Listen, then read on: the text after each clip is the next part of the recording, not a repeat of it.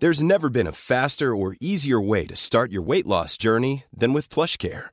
PlushCare accepts most insurance plans and gives you online access to board-certified physicians who can prescribe FDA-approved weight loss medications like Wigovi and Zepbound for those who qualify. Take charge of your health and speak with a board-certified physician about a weight loss plan that's right for you. Get started today at plushcare.com slash weight loss. That's plushcare.com slash weight loss. plushcare.com slash weight loss. Hey, it's Paige DeSorbo from Giggly Squad. High quality fashion without the price tag. Say hello to Quince.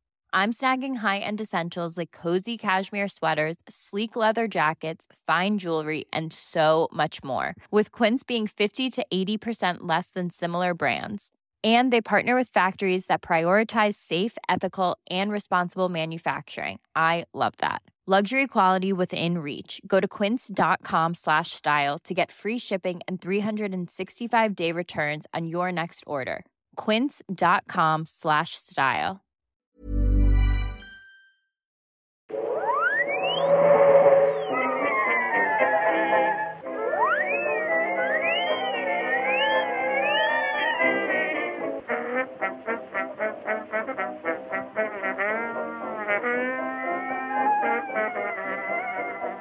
Då börjar jag i stort sett bara. Hej och välkomna till Nörden jag, det är jag som är nörden Fabian Nordlander. Och det är jag som är jag, Viktor Engberg. Det här är podcasten i samarbete med Acast där vi pratar nörden nördkultur slags bildande syfte. Jag försöker bilda Viktor saker han tycker om, men inte vet så mycket om. Men, i, Det- men inte idag. Men inte idag. Shit, det är kul när man så här ändrar tempot lite. Jag ändrar Ja. rytmen i hur jag sa det och du kom, du spårade ur helt där. Ja, jag tappade och sen spårade jag ut. Ja. Det är kul när man, man, när man hamnar i vissa spår och, och sånt.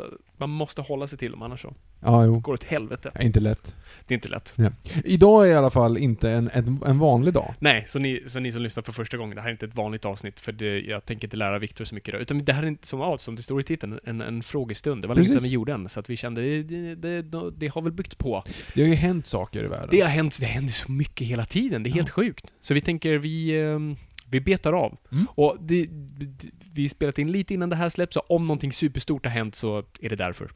Så här, världen gick under, Därför eller vi inte har pratat om det.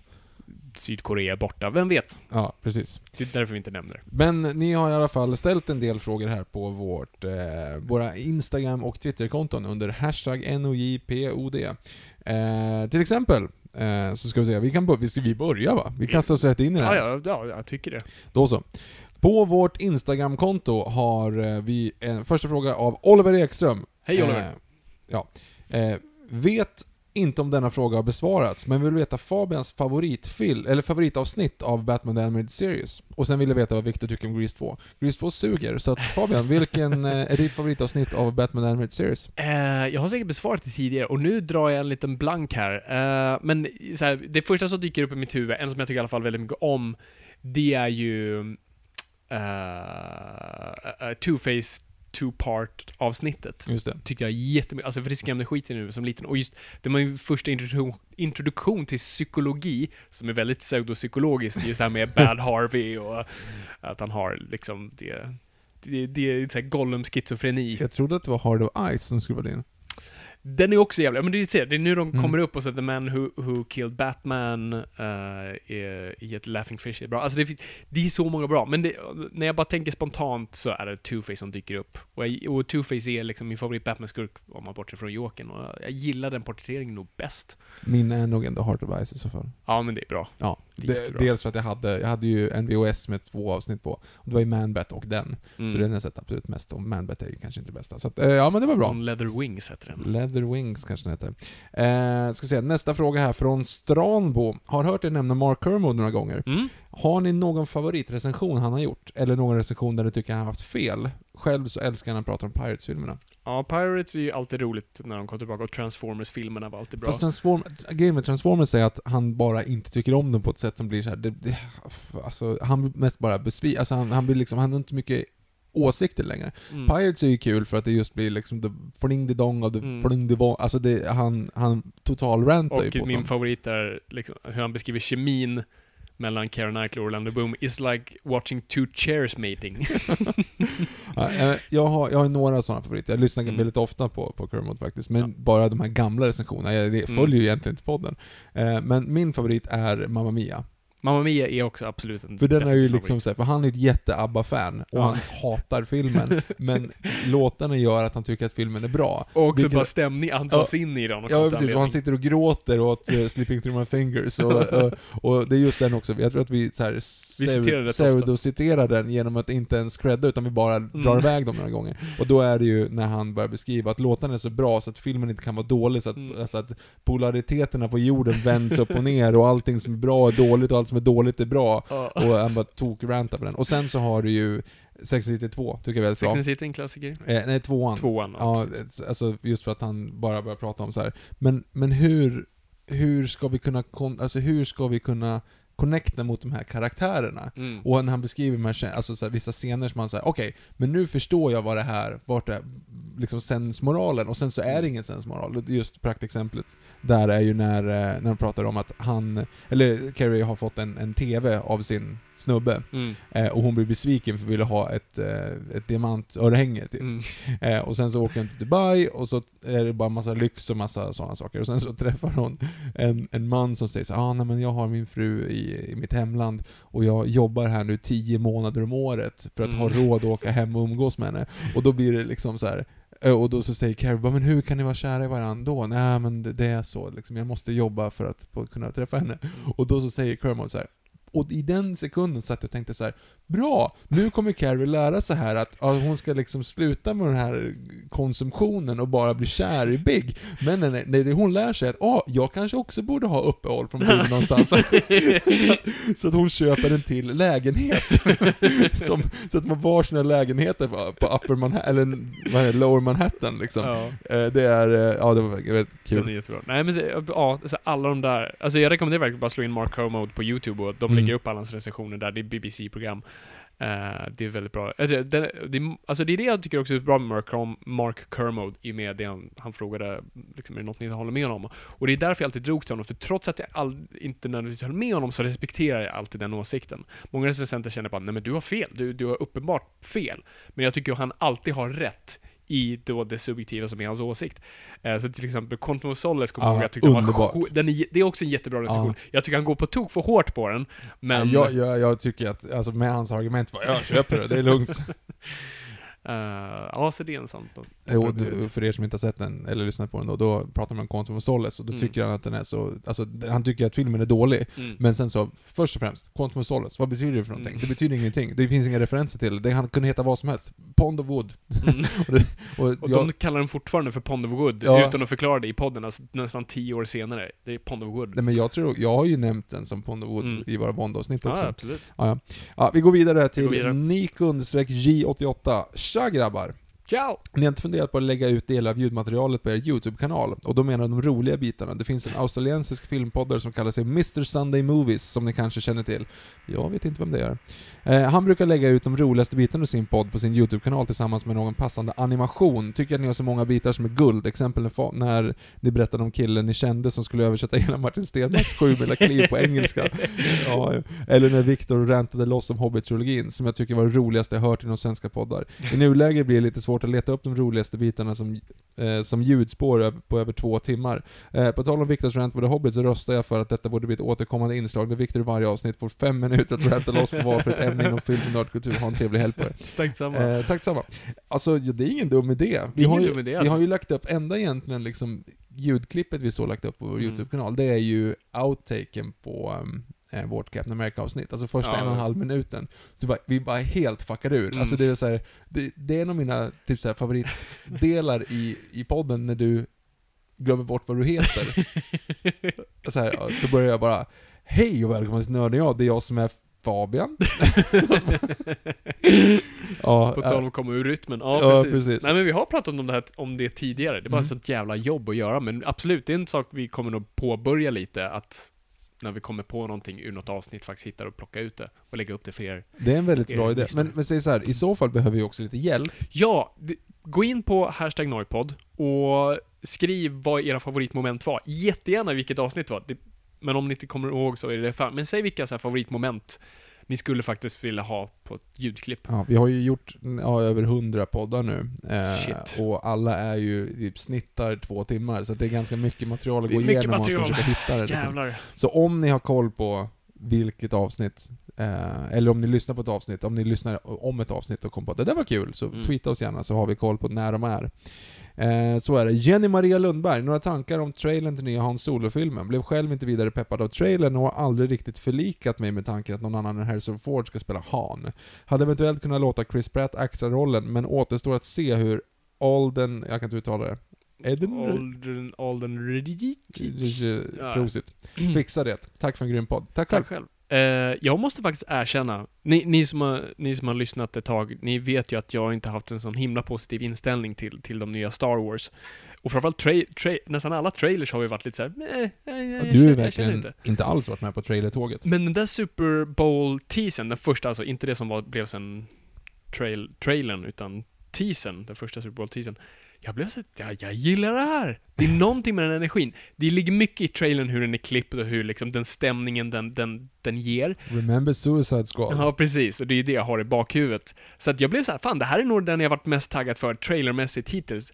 Men, eh, du som skrev har helt rätt i form av att jag har väldigt svårt att se någon annan än eh, Harrison Ford och jag vill inte veta egentligen eh, lilla djungelboken-versionen av Harrison Ford, eller av eh, Han Solo Story. Så för mig kommer det här vara, det här som är så skönt att ha läst serietidningar och jag uppmanar er andra att bara tänka så, det här är inte canon. Bygg upp era egna kontinuiteter i huvudet. Jag kommer se det här som en Elseworld, det här kommer vara liksom Gotham by Gaslight, Dark Knight Returns, jag kommer se det här som så okej, ah, okej, det här var en intressant take på den här karaktären, så.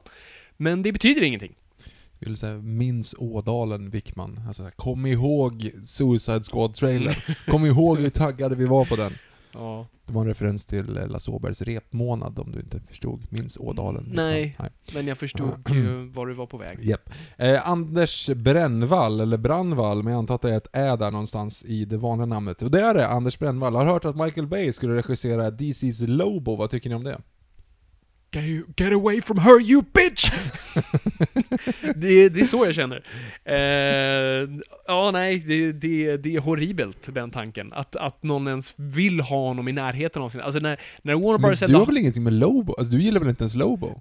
Nej, jag är inget stort Lobo-fan, men jag vill inte ha Michael Bay nära egentligen någon kamera alls. Men, men bara nära ändå en franchise jag gillar. Eh, så nej, ta, ta bort honom därifrån.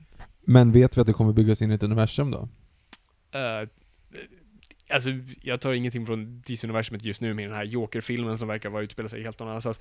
Det kanske är någonting helt utanför. Skitsamma, jag vill bara inte ha honom i närheten av saker jag gillar. Och det känns som så här, Warner Bros har jag ändå haft svårt med jag gillar Zack Snyder, med, medveten om hans fel, eh, men han är ju lite i samma kategori oftast som Michael Bay, och de kanske ska kliva lite mer ifrån liksom explosionkillarna, hitta lite karaktärsregissörer. I see. Eh, Homer J, vilken av dessa två filmer skulle ni helst spendera resten av ert liv att kolla på? Hercules i New York eller Super Mario Brothers? Ja, det är en bra fråga. Jag skulle nog säga... Jag tror jag säger Hercules, för Ja, den är rolig. Den är fantastiskt rolig. Det var ganska enkelt, för Ja. alltså Hercules i New York är, ju- är ju kul på ett sätt. Super Ja. Mario Brothers är ju bara tragiskt. Ja, Det är, alltså, nej, Tragiskt ja, men. Ja men det är ju liksom Monkey! Det är Mm. den som är kul, det är men det. är Och sen ofrivilligt går roligt. bara Hoskins runt och är full, Ja. stuntmän bara trillar överallt och nej, det är groteskt. Så Ja, att, faktiskt. nej, faktiskt. Jag, jag säger Hercules New York. Bara för den, alltså, bear punch fight, ja. så uh, är det så värt det. Och allting som är bara inspelat i Central Park när ingen tittade. Man hör trafiken i bakgrunden. Get the hell out of here! What's, what, what is that? It's Poseidon. But that's not Poseidon. Poseidon doesn't look What is that? That's Zeus. That's not Zeus. Gånger sju. Ja, gud. Hannibal Cannibal. Har ni sett South Park-avsnittet där Spielberg och George Lucas våldtar Indiana Jones? Ja. Yes. Ja, Ja, ja. jo. ja men det är alltså, ett bra avsnitt. Ja, det är ett smart avsnitt. Det är smart av sig Så så att man inte vet vad det handlar om Ja. först och sen, sen Man är det det. fan vad mörkt, Ja. vad gör de? Och sen så ser man det och så, aha, okej. Eh, när kommer avsnittet om sci-fi dystopier? Ah, det kommer nog säkert. Jag bara tänker så har, har vi inte gjort någon sån? Vi har väl gjort, vi har gjort apokalypsrullar? Ja, apokalypsrullar har vi gjort. Har vi gjort det? Eller? Nej. Det kanske vi inte har. Har vi gjort Nu har, vi, nu, har vi kommit, nu har vi nått över Nej, jag hundra, så tror nu fan är vi inte att vi har gjort Vi har det. gjort någonting såhär, post... Invasionsfilmer. Invasionsfilmer har vi gjort. Har vi inte gjort postapokalyps? Eller? Har vi? Jag Vad vet pratar vi om då? Jag kommer inte Vi har ihåg. inte sett det där Mad Maxen och sånt där. Nej, det är sant. Vi har inte snackat apokalypsen, har vi? Jag kommer inte ihåg. Nej, vi, jo det har vi gjort, fast bara i ett Elseworlds med Aron Flam. Aron Flam och Apokalypsen heter den. Ja, just det. Det är kanske är det jag tänker på. Mm. Men det var ju bara för prepping. prepper. Ja. Eh, Jag råkade hamna på en prepper-sida faktiskt igår. Eh, Det bara gick in och kollade. Jag började på Twitter och sen så stod någonting om köttkaniner. Alltså det är ju så många Oh. som odlar kaniner för köttproduktion. Eh, och så gick jag in på någon sån här Lantmännen eller något sånt där och satte, Ja. inte Lantmännen, men det var någon sån sida. Och sen så råkade jag klicka mig vidare och så slutade jag hamna på en, på så här, ja men det här är fördelarna med, så, om man skulle slakta belgiska angoror eller sån här kontra dvärgvädur. Ja. Och bara så här, vad, vad, vem är det som skriver det här? Så jag scrollade upp och det visade sig att det var en prepper-sida då. Prepper. För att det var det enklaste djuren att tillhandahålla bra kontra hur mycket mat du får ut av dem och lite gräs och sånt där. Jag måste erkänna, jag har varit inne på några sådana här sidor också, särskilt när typ vi, vi höjde lite beredskapen. Nu är det inte omöjligt från typ otroligt, kommer inte ske, till typ det är inte omöjligt, är ju vår status nu här i Sverige. Och då blev det ju, det var ju ett helt dygn var ju så här på alla nyheter och alla diskuterade ju så här, vad är det, vad, vad betyder det och vad ska man göra? Och det var många så här prepper-intervjuer på eh, på SR framförallt. Så då- blev jag, gick in på några sidor och kollade så här, ah, hur mycket kostar faktiskt lite så här. För att jag får lite panik av tanken att jag inte har såna här grejer hemma. För att det behöver bara inte, det behöver inte bara vara liksom kärnvapen skit, men för vi vet att det kan komma en riktigt hemsk snöstorm eller storm som faktiskt fuckar upp saker för en och då kanske det är bra att ha någonting hemma. Har, har du några konserver? Jag har några burkar ravioli. Ja, då så. Ja men det, det vad sa du? Man skulle klara sig själv i... 72 timmar. Ja, Har du fast fem- mer har- tror jag. Har jag du fyra burkar Jag tror fem ravioli? dagar, ja det är 72 timmar, eller hur? Ja, men, har, nja, men har, du, har du tre eller fyra burkar ravioli så klarar du dig. Ja men du ska ju, var får du vätska ifrån då? Raviolin? Det, det ligger ju sås. Ja men det är ganska tjock sås. Och så Det- kan det du räcker dricka inte. från toalettsitsen. Ja men hur länge, och så, Är inte det typ 10 liter? här är så Det, mycket. det tror jag. En spolning är väl typ 10 liter. Shit. Vi måste sluta slösa. Det tycker jag är en bra, det, det tycker jag är en bra scen i eh, The Road. Just när vi får en flashback till liksom, det som händer väl händer. Mm. Att det första de gör är att sätta på vattnet i badkaret, fylla upp badkaret. Mm. Så det Eh. har jag alltid i bakhuvudet så här. Spring till badkaret! Vilken film är det de lägger in tegelsten i toalettsitsen? Åh, oh, vad fan är det? Gud, det gav mig en inte- För att bild. inte ska få för mycket, att inte slösa på för mycket vatten. Exakt, vad fan är det? Ja, gud, jag kommer inte ihåg det heller. Det är någonting gammalt. Mm. Det var länge sedan jag såg det. Jag Det är en smart grej, med, men det uppenbarligen inte så smart som man kan binda Ja. källan till. Jag, jag kollar absolut på pulvermat just nu. Varje gång jag är inne på sådana här naturkompani så säljer de ju sånt. Då är man där och kollar lite så här, ja, men fan, lite sponsrade. chicken tikka masala kan, kan vara rätt, det låter ju rätt gott. I pulver? Ja, i pulverform. Du bara, och så lägger du lite kokande vatten över. Jag har inte ens ett stormkök, Viktor. Nej. Vad gör jag med mig Jag har ju mer eller mindre preppat i ett halvår när jag bodde i Örebro i den där källaren. Ja, just det. Alltså då lagade jag mat på ett det är ju för att bastuaggregat. du, ja, precis. det är ju som alla studenter, man bunkrar upp för man är fattig. Ja, eller På nudlar att det och... var så här, man kom in på Willys, inte sponsrad, eh, på de här, deras egna nudlar. Mm. När de hade höjt från, eh, om det var 1,90 till, till 3 eller något Mm. sånt där. Bara så här, VA? Hur fan ska vi överleva nu? Demonstrationer utanför. Ja. Hårdbröd med sån här färdig makrill, då var det lyx. Mm. Du vet såhär, makrill och tomatsås. Det var, annars var det hårdbröd med Svennes kaviar. Inte sponsrad, till frukost. Och sen så, inte SR, Viktor. och så åt man eh, brutalt mycket pastabuffé för 50 spänn på skolan och sen, så, Oh. och sen så klarade man sig med typ bara en nudelpaket på, på kvällen. Jag perioden lite. Tappade alla mina tänder i skörbjugg, men det gick bra. eh, men det var inte det vi pratade om nu. David Alehed, två frågor. Först en snabb. Joaquin Phoenix som Jokern, lite udda men... Är lite udda? Ja just det, ja, det var nästa fråga där. Mm. Jo, Joaquin Phoenix som Jokern. Eh, Jag vill bara inte ha en joker överlag. Nu är det så här, nu castar ni Jared Leto och ingen av oss är särskilt glada med det, men ja, så här, ja, men, men, men bara fortsätt nu. Han kanske kan få någonting bra att göra och han är ju uppenbart en bra skådis. Inte alltid, men han kan vara bra. Eh, så- då, så bara kör nu på det spåret ni har lagt. Börja inte liksom gå iväg på andra grejer. Jag är lite, och så gillar jag inte att det är, nu har jag glömt bort, det är ju Hangover-regissören som Todd är, Phillips? Ja, Todd Phillips som, som ska han göra Jokern? Varför ska han göra Jokern? vet inte. Och den ska utspela sig på 70-talet och det... Vänta, va? Ja, Varför det? jag vet Alltså i inte. DC-universumet? Ja, fast det är så här, det här kommer det är ju det nu vi har upptäckt mer och mer, att det verkar som att de kommer börja köra lite som faktiskt serietidningar, alltså Elseworlds, alltså att det kan vara som olika illustratörer, som som olika kreatörer som gör olika saker med karaktärer. Det låter jättedumt. Ja, det är väldigt dumt. Alltså, för visst, sådana som jag och du som hör från mig fattar ju konceptet Nej. knappt. Men liksom, lilla Alfred. Alfred i, i Thailand kommer ju liksom kanske inte liksom ha stenkoll. Nej. Ja, det är sant. Ehm, lite udda fråga, men tror ni, vad tror ni om bioaffischens framtid? Känns mer som att man blir mer och mer digitala affischer och mindre pappersaffischer. Uh, ja, jo så är det jag, jag gillar ju förvisso att det släpps liksom affischer så på nätet och man får se lite olika grejer och det kan bli en snygg bakgrundsbild på motivet. Jag har inget riktigt problem med det. Vad har du för bakgrundsbild på din mobil? Just nu, just nu har jag en Alex Ross Superman. Ja. Som Ingen, cool ingen sambo. Nej, jag får lite skit för det ibland. Och så har jag det en stund och sen tycker jag det är... Sen vill jag ha någonting... Okej, välj dina ord väldigt försiktigt här nu nästa. Jag, Okej, jag ja. stannar där. Ah, okej. Jag stannar ja. där. Ja, det är bra. Det är bra. Vad har din, vad har din sambo som bakgrund? Eh, Roy Fares eh, chokladmuffins.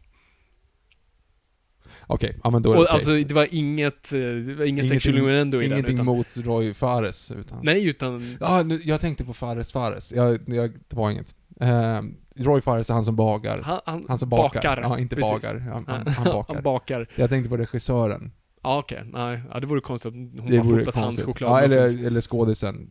Ja, just det. Josef Fares Regissören. Yes. Fares, Fares är skådisen. Yes. Ja, det var, jag, Roy skådisen, Fares. bakar. Precis. Eh, det hade varit konstigt Så att att jag, hans... det är inte så konstigt att jag har stått med om hon har det. Så Nej, men då är det 1-1. då är det 1-1. Precis. 1-1. Kurtan, 85. Har ni funderat, eller nej förlåt, inte har ni, han sa hej först. Och jag Hej. läste det som har. Men han säger hej, har funderat lite på fil- hur filmer förmedlar olika könsperspektiv. Mm. Eh, det jag funderar mest på är hur en film kan utspela sig i till exempel en misogyn miljö utan att för den saken skulle ha könsroller som huvudfråga, men ändå inte i att förmedla ett kvinnofientligt könsperspektiv. Tänk på filmer som Wall på Wall Street och Blade Runner 2049 som blivit kritiserade för sina respektive kvinnoperspektiv. Hur hade man kunnat lösa det på ett manusnivå på ett annorlunda, subtilt sätt? Tack för en underbar podd, hoppas ni förstår frågan. Tack själv. Jättebra, intressant fråga. Det är, alltså, och det är bra två exempel där, för att du har Wolf of Wall Street kom- kommer ihåg fick mycket skit för det. Mm. Men jag var ändå lite de som försvarade Wolf of Wall Street och bara, det där är i den karaktärens värld. Det är Mm. hans huvud allting utgår ifrån. I och med att han är berättarrösten också. Precis. Alltså, den filmen är så totalt subjektiv och du ska nödvändigtvis inte heller ta allting som varken sanning eller verklighet. Och därför tyckte jag filmen reflekterade hans världssyn. Och på så vis tyckte jag liksom den fungerar på så vis. Ehm, men dock i Blade Runner, och jag ska inte spoila någonting, men där hade jag lite svårt för det. Jag har inte Eh, sett den än så. För att så här, vi är i framtiden. Och den gjorde den här klassiska grejen för att det är en sak om filmen inte alls är medveten om det. Och då får man på något vis bara så här, the jury's out. Men den här filmen försökte ändå sätta så här badass female characters i, i stora liksom, roller. Men de var det som de oftast blir då, bara badass, inga karaktärer, de kan slåss. Eh, och sen alla andra viktiga kvinnokaraktärer är liksom sex, sexobjekt. Jag lyssnade på en intervju nu med eh, Denis Villeneuve, han var på Empire eh, podcast, eh, deras spoiler special, och de frågade om det, och hans svar var, nej men jag ville reflektera vår värld, att liksom det som händer nu även, det här är liksom en extension av det vi lever i nu, fast värre. Och när han säger det så säger jo okej, fine, men du försökte ju ändå inte göra det med vissa karaktärer och de funkar ändå, ja, så jag vet inte om jag köpte det 100%. Um, ehm, så jag vet inte hur, man, hur, hur skulle man ha löst det i, i det fallet. Det är svårt. Det, det, det jag dock tycker är intressant när man gör det i fantasy, alltså vi snackar Game of Thrones Ja, och som är om. absolut inte byggt på våra regler. Nej. Och där det fortfarande finns så homofobi och miso, eh, misogyna grejer och rasism och sånt. Och man tänker så här, men så här, vore det intressant att ha andra frågor istället? Att de- här grejerna är icke-problem här, Mm. men sen har man en massa andra problem. Så jag, Tre- 3D-biodebatten är den hetaste potatisen i Västerås liksom. Vad sa du, 3D-bio? Ja, 3D-bio. alltså så här pro, pro och emot Ja, eh, exakt. 3D-bio. precis. Det är liksom det som de startar krig över, Ja. och inte liksom... det hade Nej men för det, för det har vi pratat om, jag vet inte om vi har Mm. pratat om det i podden, men till exempel då, alltså man läser även böckerna Game of Thrones, så är det så här, men Men varför ska det fortfarande vara så att, att kvinnorna liksom gifts bort mot sin vilja? Alltså vet du, du har ju Mm. att att göra vad fan som helst. Och Vi har menar- ju drakar. Ja men vi har drakar liksom. Det är inte så att det kommer vara o- overkligt om man skulle ändra på, på sådana grejer. Mm. Eh, och samma sak som du säger också, att de typ ser ner på homosexualitet. Eller Ja. manlig homosexualitet ser de ner på, liksom så här, eh, kallar folk för fjollor och sånt. Mm. Men jag funderar på, även på Sagan om ringen. Ja. Den är ju typ den mest rasistiska eh, som någonsin gjorts. Däremot inte mot befintliga, utan så här, dvärgar är så här, Mm. alver är så här, människor är så hob- Alltså du vet, då kategoriserar in, alltså citationstecken, folkgrupper i tropes. Jo, och sen har du ju liksom början. de, de onda är ju oftast de som sen hjälper Mordor. De som, vad heter de som kommer på eh, mm, elefanterna och de där? De är Ja, ju mörkhyade. Ja, ja. Och det Men det- reflekterar ju men- även filmerna. Sen ändrar de ju det i Hobbit, vilket var bra. En annan rolig grej, Tolkien skrev ju, beskrev ju faktiskt orkarna i en text som mongoler.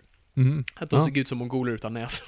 Ja, ja men, äh, ja. Eh, men det är ju liksom en, det är ju en, en reflektion av Europa. Men det är ju Mm. inte så att, alltså om du tänker att eng, alltså, hoberna är engelsmän liksom. Ja, precis. Och, eh, och så går du ner i de här olika, vad det nu är för någonting. Men det är fortfarande väldigt konstigt att, att du går på ras på Mm. det sättet. Alltså alver är, de beter sig så här. Och du är ju Legolas och Gimlis Mm. liksom, rant. Byt ut att de där två inte hade varit alv och hob, eller alv och dvärg utan Mm. någonting annat så hade det varit väldigt konstigt. Men det är det jag tycker är på något sätt bra med Sagan om ringen där, i, i- form av den frågan. Där faktiskt pratar man ju om rasism på ett annat sätt och att faktiskt de här två blir ju vänner under resans gång när de får lära känna varandra. Men allting annat stämmer ju.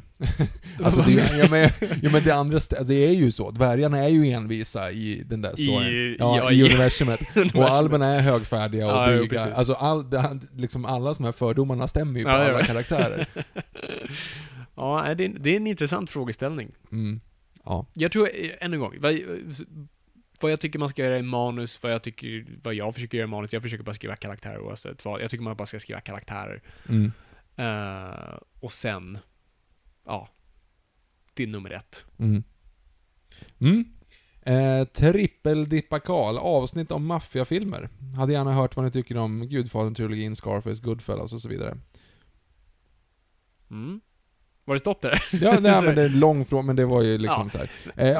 Eh, om ni nu känner att ni inte vill göra ett sånt avsnitt så kan ni i alla fall säga vad ni tycker om ovan nämnda filmer. Tack för era underbara röster. Tack. Tack Eh, själv. Jag Så Scarface, vad- röst, men... Scarface, vad tycker du om den? Ja, eh, nej men jag tycker så här, vi, vi är klart som fan vi ska ha ett maffiaavsnitt. Mm. Det är en jätteintressant genre, framförallt en bra reflektion av Hollywood, och Hollywood har allmänt vi pratade lite om det i noir-avsnittet, just hur gangsterfilmer fungerade först. Eh, under The Hays Code. Ehm, så det tycker jag definitivt vi ska göra ett avsnitt om. Mm. Men eh, jag har nog ganska generella, eh, vanliga åsikter om de här filmerna. Yes, mästerverk. Det är Dum, klart. dum fråga. Är Mm. Scarface en maffiafilm? Ja, det räknas som maffiafilm. Är det? det är, ju, alltså, och det, ja, det är väl maffia. Alltså, Mm. mm. Mm. Mm. Ja, men det kommer bli ett maffiaavsnitt Mer en gangsterfilm kanske än en maffiafilm. Men det är väl samma sak. Mm. Professionell. Tjena!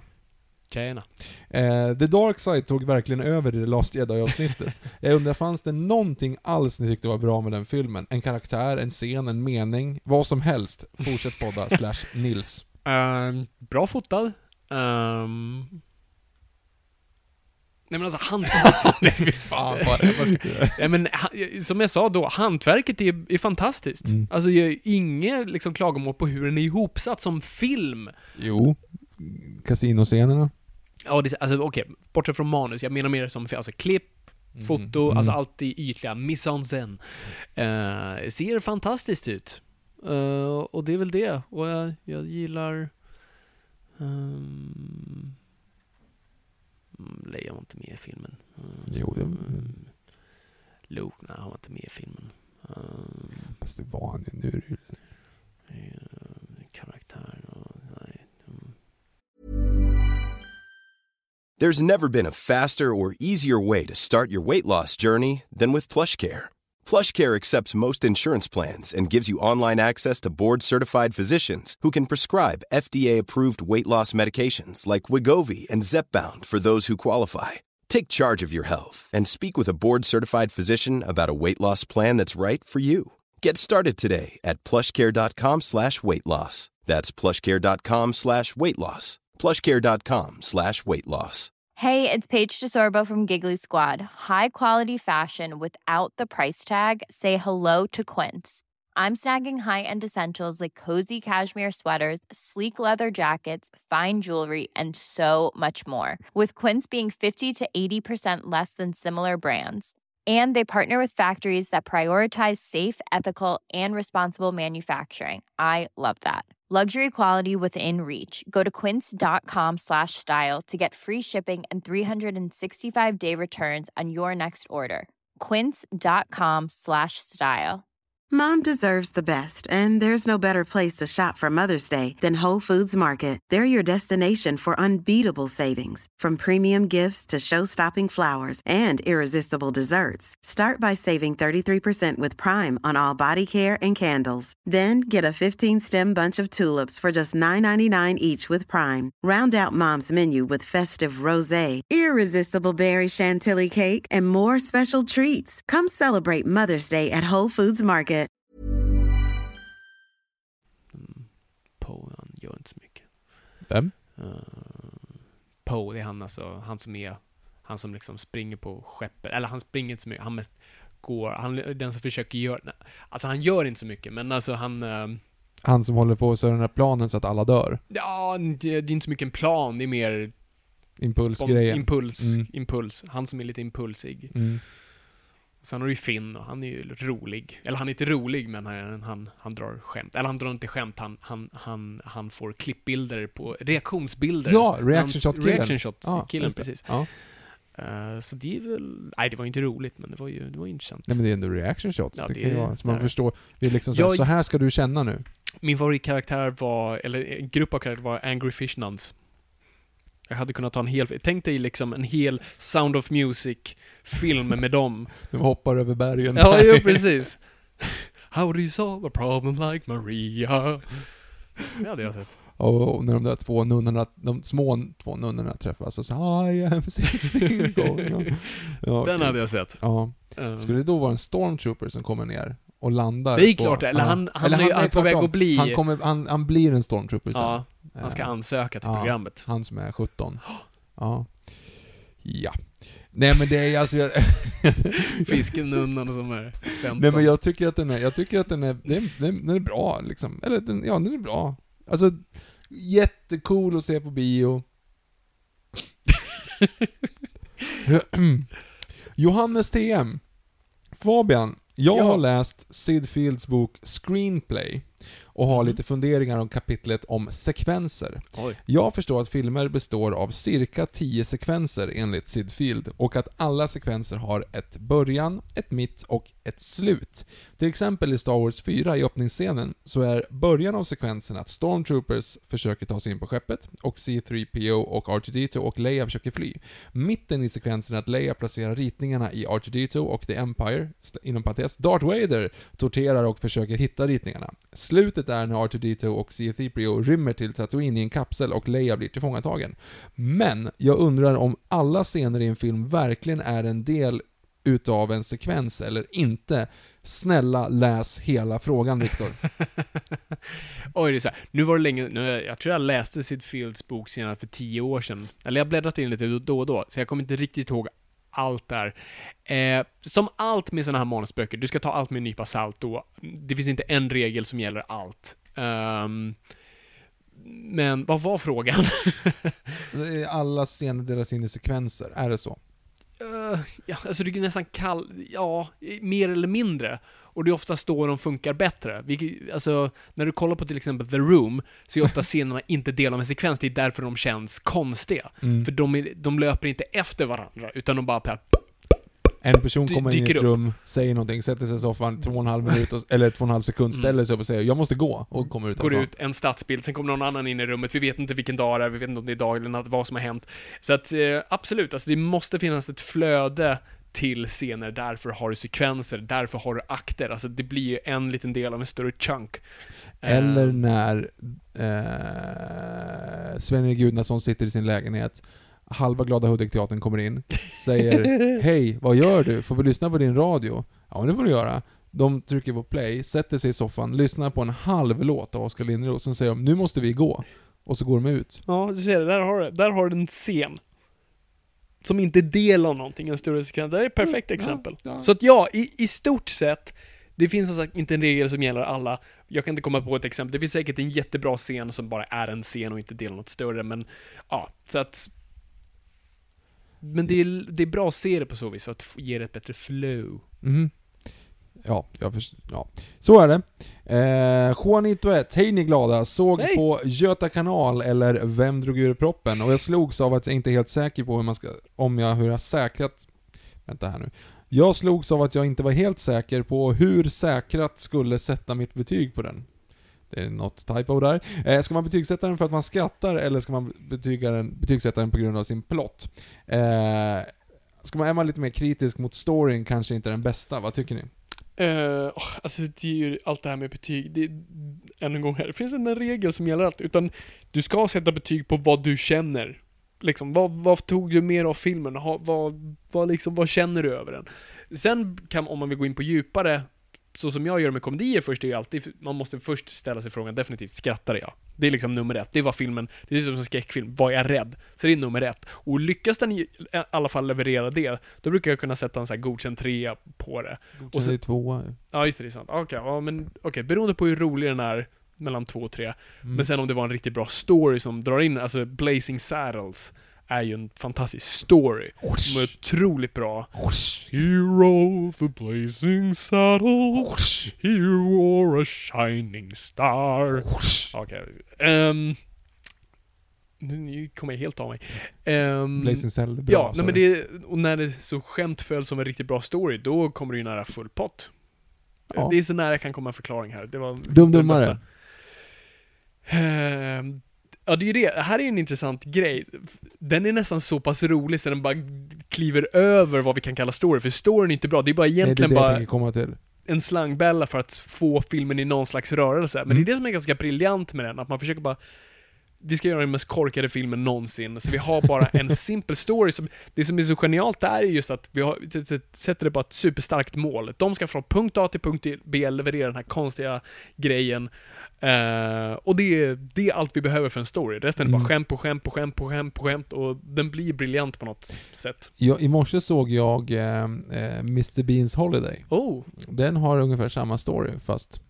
Men är Mycket, Mr. Beans mycket, Holiday, mycket det är alltså den som alltid är i Mm, IKEA-butiker? Ja, precis. Man Det checkar är ut. uppföljaren som Ja. inte är särskilt bra. Från 2007. Han vinner en resa till franska rivieran och så ska han åka tåg dit och så råkar han kidnappa ett barn och sen så... Alltså jag funderar på det, han är typ ond. Alltså tidigare har han varit lite så här naiv och lite Ja, knasig. exakt. Men han stjäl en, han är helt ensam på den franska landsbygden. Mm. Det kommer en liten fransman på en liten moped. Eh, som han vill ha skjuts på liksom så. Eh, och sen så hoppar han på bak på mopeden. Och fransmannen kliver av för att titta någonting liksom. Mm. Då försöker Mr Bean stjäla mopeden och lämna fransmannen ute på landsbygden. Han Ja. hoppar på och kör iväg. Men det går den så långsamt så skämtet är att den här fransmannen går i kapp honom. Alltså en gammal man, han är Mm. typ 70 år. Han går i kapp honom och knuffar av honom och tar sin Mm. moped igen då. Men så Mr Bean försökte alltså sno en äldre mans färdmedel och lämna honom att dö ute på Mm. landsbygden där det inte finns något hus. Ja.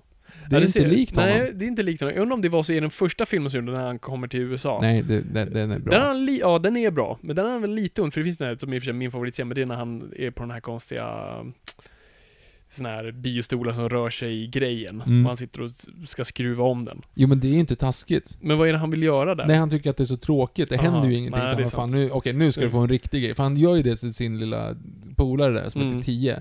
Och han tyckte att det var så tråkigt så han går och skruvar upp den. Så här, Mm. nu, kommer, nu sätter vi oss Och igen och, folk då flyger, flyger. folk. det är jättebra. Eh, Det är en intressant grej, för nu, nu kommer jag att tänka på en annan film som jag precis när jag sa det glömde bort. Så det var ingenting. Mhm. Just med, alltså, om du ska göra en komedi uh, byggt på bara skämt. Ja, just det. Jag tänkte på Airplane. Ja, ja. Som också egentligen inte har någon story. Det Nej. liksom blir kris på ett flygplan. Och sen bara skämt skämt skämt skämt skämt skämt. Om du nu ska göra en komedi där du verkligen bara vill leverera skämt och verkligen tror på att skämten kommer leverera 100%. Nej, då kan du ha bara en simpel sum. Men det gäller just att ha ett väldigt tydligt mål. Vi måste landa planet. Vi måste ta oss Mm. dit. Man kan inte bara ha The Room, nu är inte det en, en medveten komedi, men just en sån här film som bara faktiskt står still, där folk bara står stilla och pratar i rum. Nej, men du kan ju fortfarande, alltså det är ju, en komedi kan ju också hisspitcha på en väldigt enkel, på ett enkelt sätt.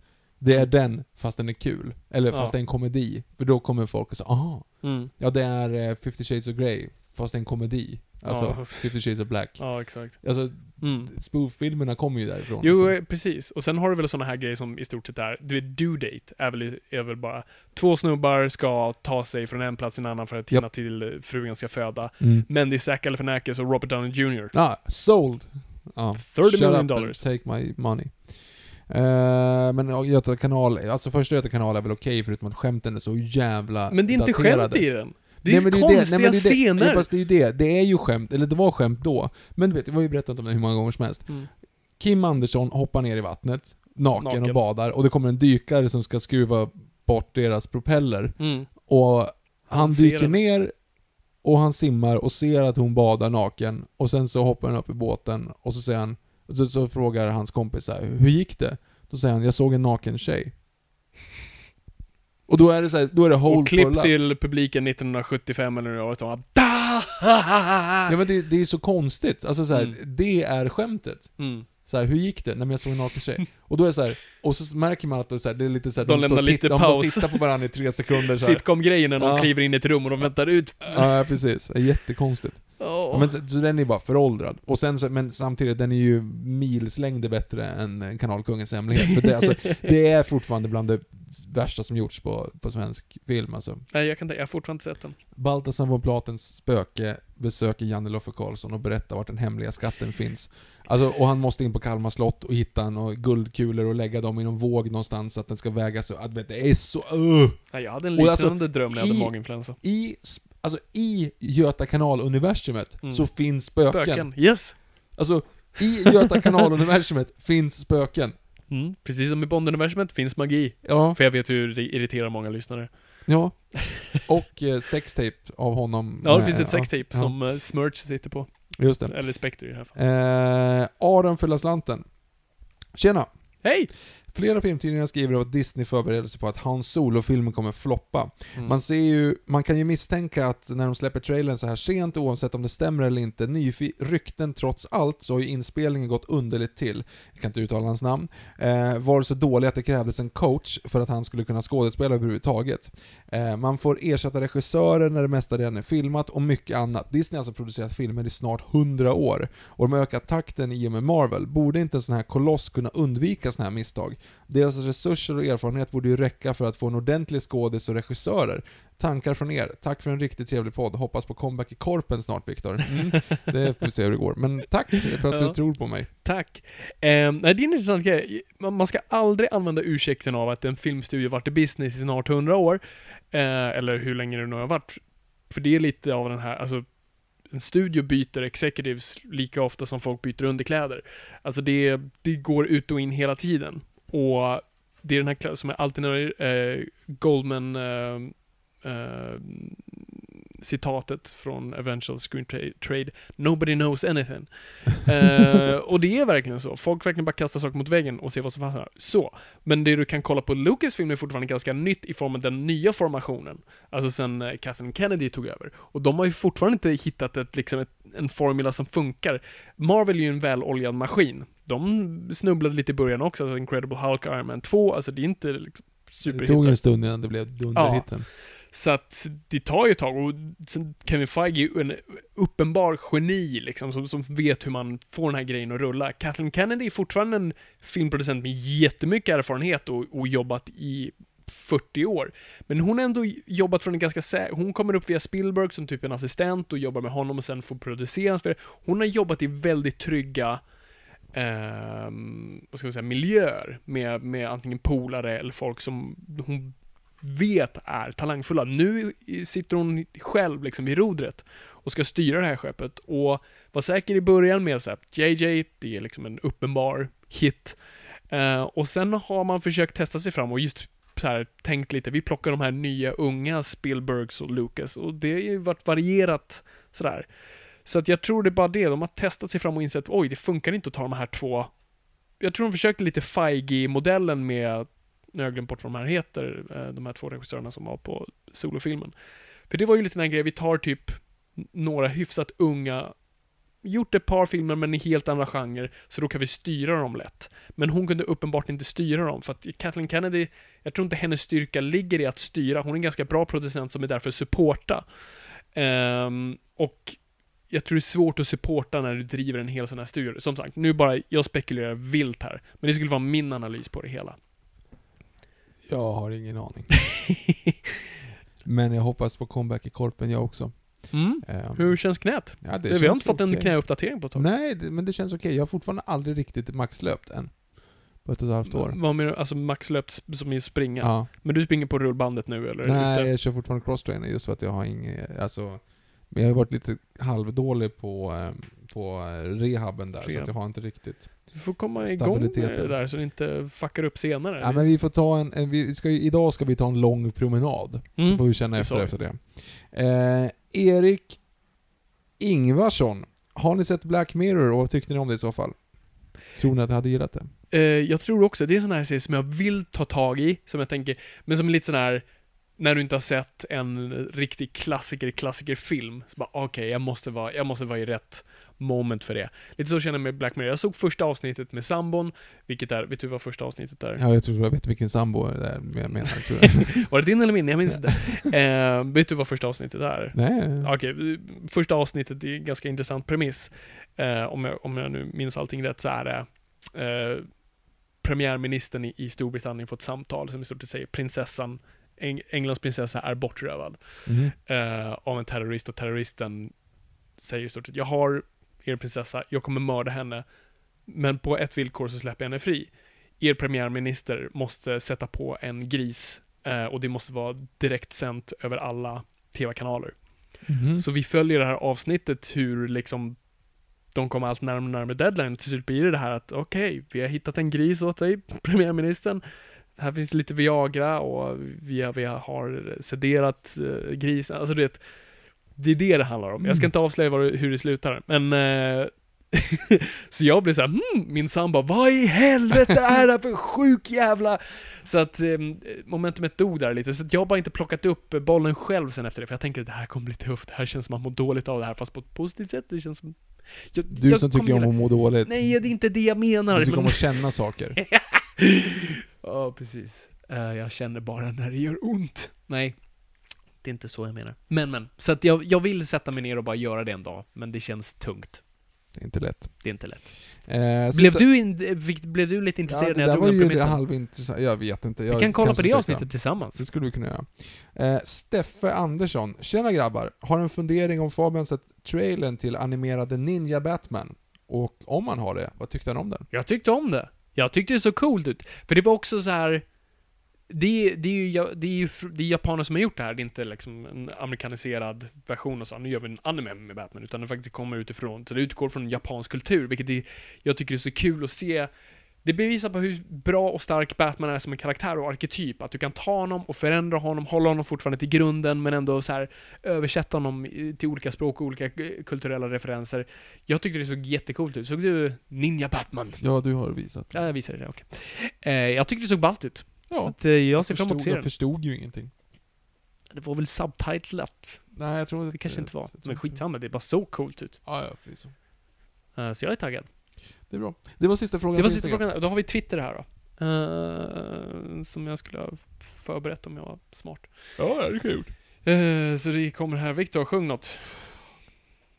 Ehm. Ehm. Ehm. Okej, nu har jag den uppe här. Du sa att det är lugnt. Hands on your hip and give them a push. Now you, you're doing the French mistake. Voila. Du. Okej. Eh, från Amnehagen. Ät Amnehagen. Är superhjältehypen ett resultat av att Gud är död, alla absoluta värden borta och vår tids andliga fattigdom? En återkomst till polyteism i sökande efter jungianska arketyper i det kollektivt undermedvetna? Ja, nästa Wow. fråga. det är en jättebra fråga och jätteintressant jag, jag håller nog faktiskt med mycket av det där. Jag tror det finns ett... Jag har tänkt på det allt mer och mer, framförallt hur mycket vi saknar Gud. dogmatiska arketyper. Alltså, sen kan man ju diskutera Gud eller inte, men det är ju så mycket inbyggt i gamla religiösa skrifter. Alltså Bibeln har ju, ju även saker som e- eka tidigare sagor som har funnits i andra religioner. Och vi, det Vi, finns... vi kallar ju Fabian då Bibeln för saga. Eh, så om det är hotmail och sånt så jan.go.expressen.se Jag kallar inte alls för saga. Jag, jag lägger ingen värdering alls i form av tro i det här, utan jag pratar, jag tror, alltså allt mer och mer tror jag att det finns nästan någonstans djupt nere i det mänskliga DNA eftersom vi alltid behöver stories. Vi måste alltid berätta stories för varandra. Det är det enda vi gör. Vi, vi drar, alltså en konversation är byggd på att vi byter stories med varandra. Att du berättar någonting som har hänt och jag berättar någonting som har hänt och det kräver en förändring i det oftast, för annars kommer jag säga Vad var poängen med den där storyn? Um, och det tror jag ligger så djupt i vår DNA hur vi behöver de här Det är någonting med arketyper, och särskilt de gamla religiösa arketyperna, som på något vis det är någonting som kopplar med oss där. Och det tycker jag är någonstans det fina i, i, i religion, är sagorna. Och det är därför jag tror vi kopplar till Batman, för jag har ju dragit Jesus-referenser, jag tror hundra gånger till, till Batman och sen har du Moses-referenser till, till uh, Superman. Och det är därför de sagorna fungerar så pass bra, för att vi, vi, vi får någonting ut av dem. Så jag tror definitivt det ligger någonting i det. Eh, Vad tycker du? tack för din insiktsfulla analys. Mm, varsågod. Um, jag, jag skulle vilja göra ett ämne på det där faktiskt, för att, det är en sak jag läst om mer och mer. Mm. Just liksom religiösa arketyper och hur de... Hur, Som- hur vi förhåller oss till dem. Moses. Moses? Moses var en man som levde i början av Bibeln. Okej, vi går vidare. At Looster. Ni sa inget om Yoda-scenen i The Last Jedi. Vad tyckte ni om den? Jag personligen tyckte att det var en bra scen och roligt att det var en docka och inte CGI, men jag satt även och hoppades på att Obi-Wan skulle dyka upp också. Men man kan ju inte få allt i den här världen. Tack bästa podden. Tack Nej, själv. man kan ju inte få allt i den här, i den här världen. Jag säger så här, jag tycker att det var en inte... att du inte fick Luke Skywalker i den filmen, nej. Nej men det är väl jätteintressant att de satte in Yoda. Det jag är glad över med Yoda, Mm. det var att de inte hade fått tillbaka den där mopey eh, prequel-Yodan. Mm, utan den där lilla galna Ja men, ja, crazy men old precis, man. ja men precis. För om man, om man tänker på det, alltså kollar man om Empire Strikes Back och Mm. ser liksom den Yoda som, Ja, man drar lite Han skämt är ju Kurt, han är, he's lost it. ja men, ja men det är ju det. Och han hade suttit där och käkat svamp liksom och, och levt av träskdjur. Mm. Alltså, och- så kollar du på i prequels när han sitter liksom i tempel och är så jättesmart. Mm. Man, de förstör ju lite grann det. Fast gör de det? Alltså de hade ju förstört om det kom efter faktumet. Jag tycker det är lite Nej, coolt att han nej. var den här ädla munken som sen blev bara galen ute i skogen. Det är väl kul? Jo, fast samtidigt som den ädla munk, ja jag förstår vad du menar, men det, man, det som hade varit lite intressant, det är ju om Yoda, in, alltså alla, alla, alla som använder kraften, Mm. är ju, sitter ju i rum och pratar och ser bekymrade ut. Yes. Det hade ju varit liksom en manifestation, för det är ju det som Yoda var. Alltså det vill säga den här stora kraften man har hört om i en Mm. film och i hela första Star Wars och sen kommer du där i, i eh, halva femman liksom. Och så förväntar man sig en, den här munken sitter i en mopey. Mm. Men det har man bara projicerat själv. Ja. Och sen så visar det sig att nej men den här lilla gröna som ser jättekonstig ut, han är den starkaste. Då är det så ah, okej, kraften funkar in mysterious ways. Men Mm. sen så gjorde den bara att han, nej, han, han, det är för att han är galen. Kraften är att man sitter i rum och ser tråkig ut. Ja. Nej, det är så här, jag hade jättegärna velat ha lite mer humor från Yoda, alltså lite mer än jag sa som säger. Så jag tror någonstans på mitten, mindre mopey, men inte Empire Strikes Back Yoda i prequel. Ehm, jag, jag, håller nog inte med. Jag hade nog inte velat säga Obi-Wan, för då hade han varit tvungen att lösa det antingen med uh, Rogue One-teknik, eller använda sig av Ewan McGregor, vilket made no sense, för det var inte så han såg ut som The Force Ghost sist. Mhm. Ehm, så jag var nog glad att de inte gjorde det. Men jag tyckte också så här, vad tillförde det ännu en gång? Det var lite fanservice. Jag, Ja, blev, det var bara jag satt fanservice. lite så här, du vet när man gör den här, Woo, äh? Eh, jag ifrågasätter samtidigt som jag blir glad. Och visst, det var kul att det var en docka, men jag tyckte han såg lite CG ut, med typ munnen, men tydligen ska det inte vara så. jag tror jag bara nej, det tror projicerade. jag. Däremot så är det lite intressant att nu har man kommit så pass långt så nu kan alltså Force Ghosten framkalla blixtar. Ja, de kan påverka världen runt omkring Som dem. andra ord så hade de kunnat gjort det på Kylo Ren. Alltså, Sätta en huvudet på honom. huvudet på honom så är det slut. Ja, men de kanske har lite så här att så här, God moves in mysterious ways, man får inte interagera med isbjörnar när du filmar dem. Nej, man får liksom inte... Örnarna hade hypotetiskt kunnat flugit hela vägen till Mount Rushmore tänkte jag säga, Mount Doom. Mm. Men man gör inte det. Nej, För att de, det är för enkelt. ja. Ja, nej men det, det ja, jag vet inte, Yoda-grejen var jag lite såhär meh. Nu kommer jag att tänka på Hobbit igen. Allting är bara total jävla CG-solnedgång. Kommer du ihåg den scenen när Mhm. örnarna lämnar dem efter första filmen? Eh, alltså i första Sagan om ringen? Nej, eller? alltså i första Hobbit. De är ju samma, slutar likadant som Return of the King. Ja, just det. Ja. Då, då landar vi på en platå, Mm. som är bara så här. Men ingen tror att någonting i hela världen ser ut sådär. Och varför skulle de lämna dem högst upp på den där platån? Nu kommer de ju inte ner, och det är mitt i sol, det var sol, Hjälp! det var solnedgång i en timme. Nej, men alltså, varför? Ja, ja, Svälter ihjäl där uppe. De måste äta Balin och... ja. Nej men efter, nu har ju jag installerat eh, ljudsystemet här hemma, Mm. och vi kollade på Ride of the Rohirrim-scenen. Alltså, Vi typ grät. Ja men, Return of the King, när Theoden med hans gäng kommer och rider ner, alltså man är så bara Varför görs inte såna här filmer längre? Varför är det inte så här episkt? Och så sitter man och, och bara, men vänta lite här nu. Jo men just det, den här regissören, han har gjort det här en gång till. Ja, men då borde vi kanske kolla på den. Och så kollar man på Battle of Five Armies, med andra ord, det ska vara mer eller mindre den scenen i tre timmar, Mm. tio år senare. Men det är ingenting ens i närheten, för allt är Big Floppy Donkey Dick. Alltså det... Jo, men det, är som, Ah. det är som vi har sagt tidigare, och det, det är värt att säga igen, för att vi kommer ha rätt med det, men förbered er nu på att i framtiden, hej framtiden, I framtiden. så kommer Hobbit-trilogin ses vara, alltså Sagan om ringen-filmernas version av prequel-trilogin. Mm. Vi är fortfarande lite förnekelse, vi är fortfarande lite osäkra, för det är fortfarande hyfsat fräscht, men snart kommer vi bara, vad fan hände? Det enda som Hobbit-trilogin har mot prequel-trilogin, det är ändå att det befinner sig hyfsat i samma universum i form av så design och så, så designen är briljant i form av hur folk ser ut klädesmässigt, mise en scène. Ja, Men- fast egentligen inte, men för bortsett allting är från det- CG. Ja, jo, det, det, det visst det. Men, men för det är det som var, jag tror många hade problem med, med Star Wars prequel, du kände inte igen dig. Nej. Eh, inget såg likadant ut, för allting var nu supersnyggt och cleant och var som ett nykromat kylskåp. Och alla sitter ledsna i stora rum. Yes. Medan ändå du kände igen Sagan om ringen-världen. Eh, Fast nej, för allting var Ja, solnedgång förutom konstant. all- allting var Magic Hour. Ehm, men bortsett från det. Så ja, så mark my words. Det är så det kommer bli. Det är du som läser frågorna. Det är jag som läser frågorna. Vad håller jag... Vad, vad, vem är jag? Um, at ma Masterpågen. Mästerpågen. Förlåt, jag såg att du skulle rätta mig där. Jag har Ehm, tagit 50 avsnitt. det äldst, det, den äldsta filmen på IMDB's topp 250, Chaplins pojke, är snart 100 år gammal. Eh, det fick mig att tänka vilka filmer från 2000-talet, förutom Sagan om ringen och Troja, hej wink wink Viktor, ehm, tror ni kommer Tror ni att man kommer kolla om 100 år? Eh, jag tror så här, man kommer nog bara ner till regissörer. Jag tror absolut där, ja, Spielberg tror jag man håller lite mer till, till 90-talet, men alltså Nolan definitivt med Inception och Dark Knight. Jag tror Paul Thomas Anderson med There Will Be Blood och Master och egentligen hela hans katalog. Eh, jag tror ehm, Jesse James. Eh, Va? ehm, The Assassination of Jesse James. Jag har ju inte sett den nu. Varför skulle någon se den om 100 år? Har du fortfarande inte sett den? Nej. Oh, den måste vi se. Jaha. Det är en bra film att se i ditt nya system här. Ja, kul. Ehm, jag tror No for Old Men. Jag tror lite de ändå som, som man pratar om mycket nu, tror jag ändå kommer vara såna här filmer som...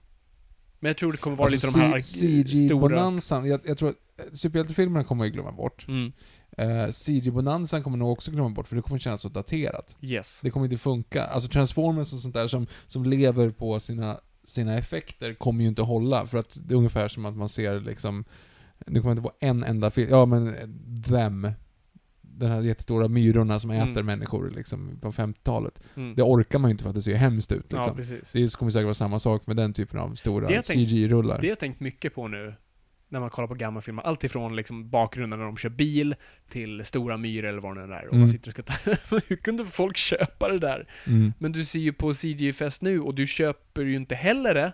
Men, eller du vet att det är CG, men du är fortfarande inne i, i filmen. Ja, folk jo. kommer säga exakt samma sak om oss. Ja, ja, Så gud det ja. är i stort sett samma sak. Bara att det ser lite mer polerat och bättre ut, men det är fortfarande, du vet ju att Captain America inte hoppar för en sån hög höjd. Nej, och där har du ju också praktexemplet Jurassic Park. Alltså vi har ju jämfört den eh, eftersom det kommer komma ut en DVD-kommentar inom kort om Deep Blue Sea. Mhm. Eh, och där har du ju praktexemplet, för det är ju typ mer eller mindre samma film.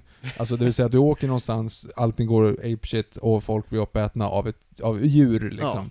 Eh, det tyckte de var samma sak på manusstadiet, men sen så bara man säga, men varför håller Jurassic Park så jävla mycket bättre än den här, trots att, alltså även om effekterna inte hade varit Mm. klockrena, så Vilket är de det ju att de har en, en tanke bakom det. Mm. Allting är ju liksom byggt på en idé, allting är liksom, ja men, eh, borde vi, om bara för att vi kan, Mm. hela den liksom, leka gud-grejen. det är ju det som kommer hålla. Absolut. Skulle Transformers bara bli existentiella, fine. men nu, nej. Ja, nej det är absolut, ja men det är, en- det är stories som, som kommer överleva. Alltid tillbaka till arketyper, det är det. Det är det som, det är sagorna som, som håller kvar. Det är av någon anledning så vi fortfarande berätt, berättar Rödluvan. Det är någonting där som funkar. Håll dig borta från främlingar. Skjut Ja. vargar. Vad, vad, är, vad har Guldlock för sensmoral?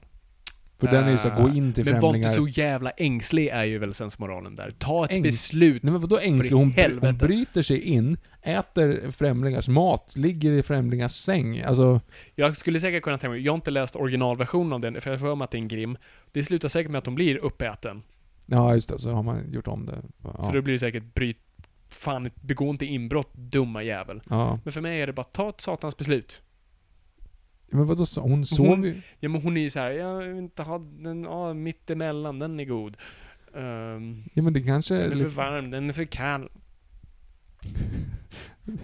Det är ju inte det som skadar henne direkt. Nej, det är inget som skadar henne. Hon, vad är det? Hon, hon, eh, hon äter av deras gröt, Ja, hon sover i deras säng. ja. Så Sen kom- kommer de hem och säger Vad fan? Ja, och så drar hon därifrån. Ja, i stort sett det. Eh, det är liksom en hobo story. Mm. Yes. Ehm, nu ska vi se. Här har vi... Uh, at... jag få hela namnet. At... Uh, Gandalf. Gandalf, det, det var, det var svårt. Jo, eh, at Tharn Johannes. Mm. Fabian, eh, lyssnade på en gammal podd då du sa att det bästa efter att ha lärt sig filmmanusgrunderna är att skriva short stories eller kortfilmer. Kan du förklara eller hänvisa någon till förklaringar om kortfilm eh, förklara eller hänvisa någon till förklaringar om kortfilmsstruktur. Jag har inte sett jättemånga kortfilmer tyvärr. Hmm. Som sagt, det finns ingen så här do's, do's and don'ts när det kommer till kortfilmer. Det är inte en riktig skola på det. Men, men jag tycker absolut att kortfilmer är, är svåra. Det är därför det är bra träning för dig. Jag tycker du ska applicera, alltså så gott du kan, långfilmsdramaturgi på kortfilms...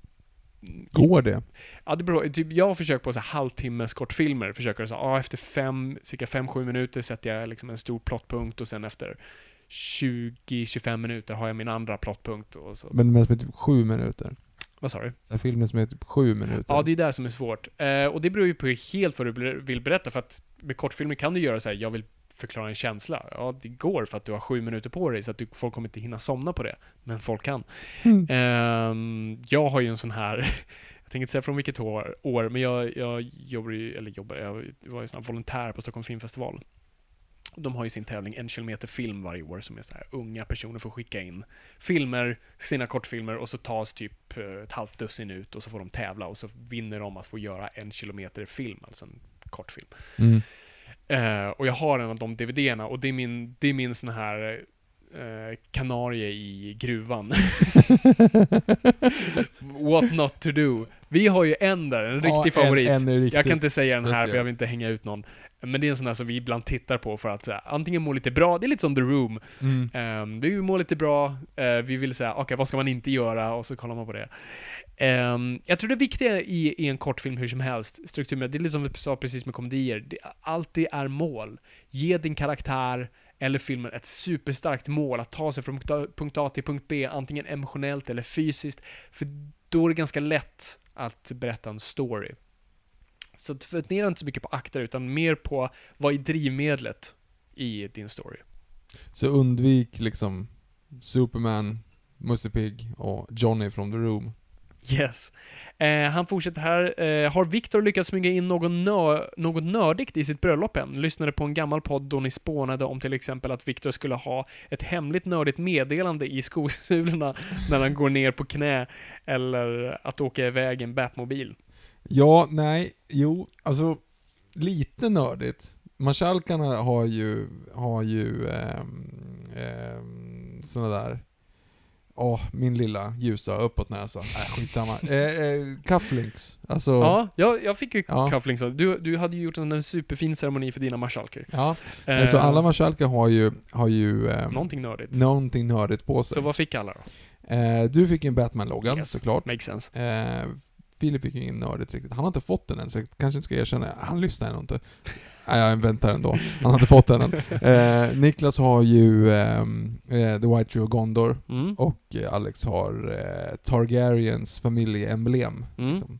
Så den kan ni ju ha. Ja, precis. Är ju... de är ju halvdiskreta åtminstone. Ja men exakt, jag tycker det var Ja. sny- snyggt faktiskt att Mm. smyga in det. Och det är inget som känns att någon kommer klaga på. Nej. Ingen som kommer märka eh, framförallt. Men du kommer inte bära någonting. Nej, jag vet inte fan om det är Du kommer ha vanliga cufflinks. Ja, jag tror att det blir bäst så. Ja, nej jag vet inte vad du skulle kunna smyga in för någonting. Egentligen. Alltså det nördigaste Det är ju- egentligen är ju Sagan om ringen-ringen som jag har runt fingret. Ja, det är sant. Det är ju ganska optimalt. Alltså det är ju fortfarande, jag har ju, den är ju på gravyr nu, Mm. och jag, jag har faktiskt inte sagt In- det. Inte på alviska. Nej, först tänkte att man skulle lägga in så här så det ser ut som en typ så här, som en silverstämpel, eller alltså en Ja. guldstämpel eller något. Och där det bara står liksom, du vet så här mellon. Men nej. Det är klart du det. Ja, Nej, jag det finns att- fortfarande tid. Jo, jag vet, men jag är ändå jaget i den här liksom. Jag kan ju för fasiken inte ha Ja. alv, kryptiska alviska meddelanden i min vigselring. Det är ditt jobb. Ja, nej, jag kommer ha hela Green Lantern-chanten i, i ringen. In brightest day. Ehm, Det är så här, och nu ska brudparet få läsa upp sina löften de har, de har givit den till varandra. optimala kärleksförklaringen i den här ringen är till en serietidning och inte din Nej, jag tänkte att du ska i kyrkan, du ska ju stå, du får ju säga dina egna löften ju. Ja, det tänker jag också göra. Mm. Nej, jag får se vad jag, vad jag lyckas göra där. Vi får se helt enkelt. Det är inte dags för mig än. Du, Ah. du får gå först. Tack. Ehm, ja, jag, jag, jag, jag funderar lite från och till faktiskt vad man skulle göra. Mm. Eh, jag har ju kollat mycket på Inner Majesty Secret Service. Så att... eh, Men det är ju jättedumt att kolla på just den. eh, ja, nej, jag tänker... Bruden blir ju skjuten ja, i huvudet på vägen från kyrkan. Jag tänker inte ha den detaljen. Nej, för det är ju bra i alla fall. Att, Man kan skrämmas lite. Ha lite så blanka kulor. Så här Men hon betala, förstår ju inte- men hon har väl inte sett den filmen? Nej, det är sant. Så hon skulle troligtvis bara bli ärrad för livet. Ja. Och Men det är den bröllopsresan skulle vara körd. Men det är väl inte Blowfeld som skjuter? Det är väl... Nej, det är sant. det är väl hon. Det, det... Send in the clown! Men gud, nu glömmer jag bort. Hans, hans fru är i boken, det har de inte riktigt i... i Frau Faubissuna heter hon i uh, Austin i Austin Powers. Powers. Ja. Eh, inte, åh, åh, jag har det på the tip of my tongue. Helga, Helga Brent eller något så här, Helga Brandt, någonting Ingen sånt där. aning. Ja. Skitsamma. Ehm, och sen avslutningsvis säger han bara, eh, nyss läste ut Sid Fields bok. Det är kul att folk läser Ah, Sid. Fields böcker. Eh, bok Screenplay, eh, har läst en tidigare bok om manus och jag är 17 år väldigt aspirerad för ämnet. Vilka fler böcker tycker du att man ska läsa av Sydfield eller andra böcker om filmmanus innan man börjar skriva? Han har skrivit flera böcker, jag har inte läst någon av dem. Jag tycker Screenplay räcker gott och väl där. Sen har du ju Robert McKees story, jag tror det är ganska standard för folk att ha läst den. Eh, och sen tycker jag Adventures of the Screen Trade av eh, William Goldman uh, tycker jag är skitbra. Det handlar ju mer om business än Hollywood, men han ger väldigt bra insikt på hur du ska föra dig som faktiskt manusfall. Det är lite mer business-aspekten av det. Ehm, så de tre tycker jag. Sen, och som jag sagt förut, zona inte in för mycket på litteraturen av det, för att i slutändan kommer man behöva släppa allt det där. Det är jättebra att kunna grunderna, men till slut måste du putsa sig ut i boet och, bara, och se vad som funkar för dig. Regler är till för att brytas. Ja, mm, ja precis. Regler Jag brukar, är till för jag brukar säga om, innan, du, innan runt. du bryter dem, lär dig dem. Ja, mm, Det är inte samma sak. det Um, menar. nu ska jag säga, Atsebasa understreck G. Jag såg på IMDB att det kanske ska bli en Big Trouble in Little China remake med The Rock som Jack Burton. Vad säger ni om det? Jag vet inte, Big Trouble in Little China är ju inte riktigt så här superstor. Alltså jag har ingen känsla för den ändå, så Nej, det- kör på och prova Ja, nej funkar. men faktiskt, det, det, jag, jag, jag säger inte riktigt såhär, låt den vara. Nej, go for it. ja, gör vad du vill. Um, at Marcus uh, Willer. Um, Viktor, har du Ja. ti- tips på bok slash böcker om man vill lära sig mer om svenska kungar från 1500-talet Nej, framåt? nej. Vad nej, tråkigt. nej, men jag har faktiskt inte det. Det enda egentligen, alltså Herman Lindqvist är ju liksom The go-to guy. the go-to guy. Just ah, sen att älskar också, det, det finns ju en, eh, vad är det väl, eh, Edward Blom som, som sa det i någon intervju någon gång. Det där är ju en, eh, åh gud, det där är ju en förenkling värre än Herman Lindqvist. Men, så att han är väl lite så här eh, Han är lite på ytan historia eller? for dummies liksom. Aha, okej. Ja. Men det kanske är bra för en grundkurs? Ja, precis. Nej, men jag, jag har faktiskt inte läst så mycket. Det enda egentligen så här, historiska bok jag har läst så, det är ju ehm, om 17, det är ju Stora Nordiska kriget. som jag tror fan var Herman Lindqvist. Skitsamma. Alltså, jag har inte, jag har ingen koll. Nej, jag, nej. Okej. Jag har inga sådana böcker, tyvärr. Läs an. Eh, Nej, gud, läs inte an. Och framförallt så är det innan 1500-talet. Och för det andra så är det inte Något korrekt. korrekt. Um, at uh, Nico-J88 Mhm. Eh, I en omröstning som amerikanska Total Film gjorde tidigare i oktober röstades Indiana Jones fram som den bästa filmkaraktären genom tiderna. Håller ni med? Eller säger kanske Fabian att James Bond och Batman är bättre? Batman kom för övrigt tvåa och Bond femma. Jag skulle väl alltid argumentera det. Det, det ironiska med Indiana Jones är ju att han är ju... Han är ju ingen han är- karaktär. Jo! Nej. Va? Nej, är Vad är det för fel karaktär. på dig? Han är bara någonting att projicera på. N- nej! Jo. Vad är det för fel på det? Vi har Nej, inte är haft den här diskussionen. Har vi inte? Prat, säger vi det här i... Indiana jag, jag säger det nu. Vad har hänt med dig? Han är väl inga, han har väl inga tropes? Han är rädd för ormar, det är det han kan. Han, fe, han är en felande människa. Okej, vi- Ja, Han är, han är mycket fel, men inte så att det du får lyssna på vårt avsnitt om Indiana Jones, Victor. Nej men, eh, det är roliga med Indiana Jones är att han är en reaktion på James Bond. Så han är ju en James Bond-arketyp, men med en liksom twist med att han typ misslyckas. Eh, så det är ju lite kul. Jag skulle, jag, för min del är James Bond en bättre karaktär, men det är också att jag tar in den litterära biten också i det. Men ja, faktiskt, i och med Daniel Craig så faktiskt är det med. Skitsamma. Jag tycker alla de är bra. Eh, jag skulle definitivt rösta mm, Bond och Batman högre, men vem bryr sig? Vi älskar alla. Mm. Agamemnon i Troja. Eh, men, men, kommer inte ihåg... Ah! Nej, det är Menelaus. Ja, okej. Blandar ihop. Nej, fan, nej, nej det är Agamemnon. Ja, Förlåt. tack. Det är men, ja. Mm. Jättemycket underkäke. Jo, nej men det jag tänkte säga i alla fall, det, det, vi har ju nämnt det här ju. Eh, det är ju att Indiana Jones är ju projiceringen av barndomsdrömmen.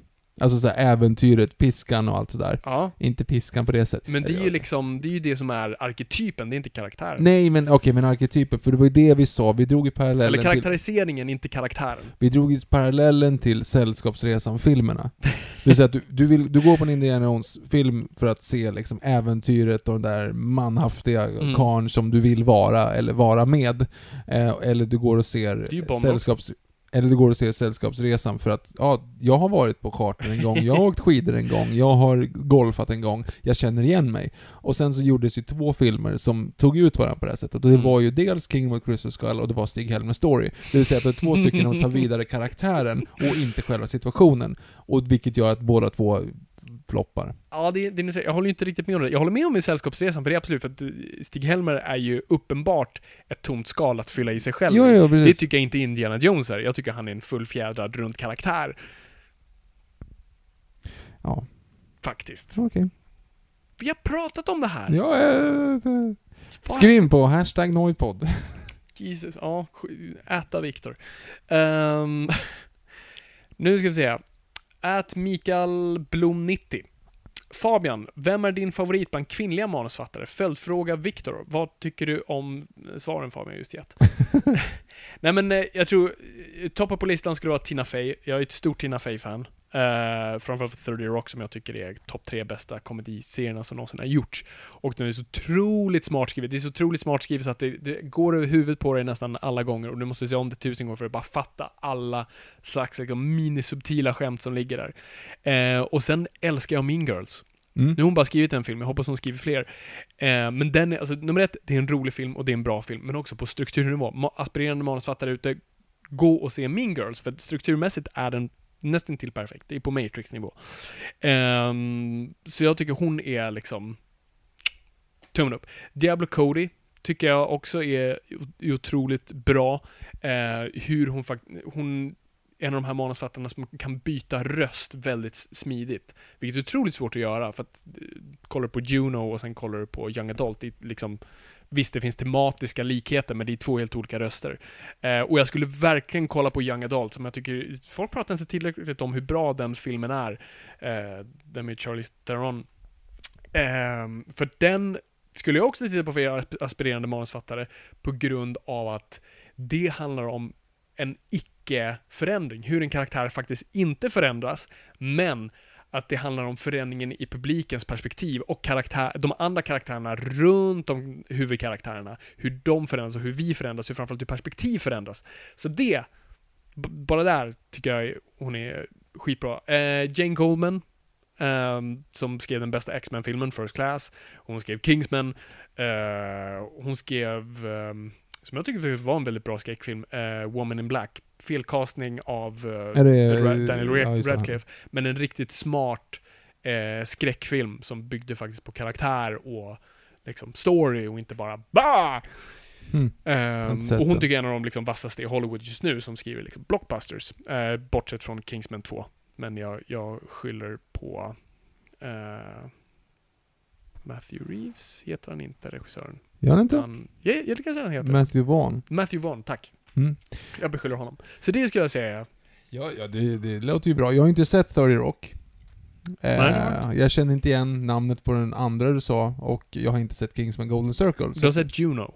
Juno har jag sett. Mm. Den är ju bra. Den är bra. Eh, men det, det jag kommer att tänka på, Mm. det är ju också så här ett, egentligen bara valt på en film. Eh, och det, har du, du har sett Masjävlar va? Ja, men det var när den kom ut, så Ja. jag kommer inte ihåg. Ma-. Maria Blom heter hon som har skrivit och regisserat den. Eh, den tyckte jag, när jag såg den, eh, jag har sett om den relativt nyligen, Mm. var så här. Det här är typ det roligaste och bästa jag sett liksom på ett år och dag. Just för att det var ju, det träffade väldigt bra, eh, Mm. familjesituation Ja. som är, eh, ja, vi behöver inte gå in mer på det, men det, det var home. väldigt, ja men precis, det var väldigt så här, close home, och då kändes det som så här, ja, de har verkligen träffat det här, och det var, och så jag kommer att jag såg när jag var så här 16 första gången, Mm. och man också så först okej men, vänta lite här nu, det här måste ju hon ha upplevt, för det är så här. Ja, alltså, precis.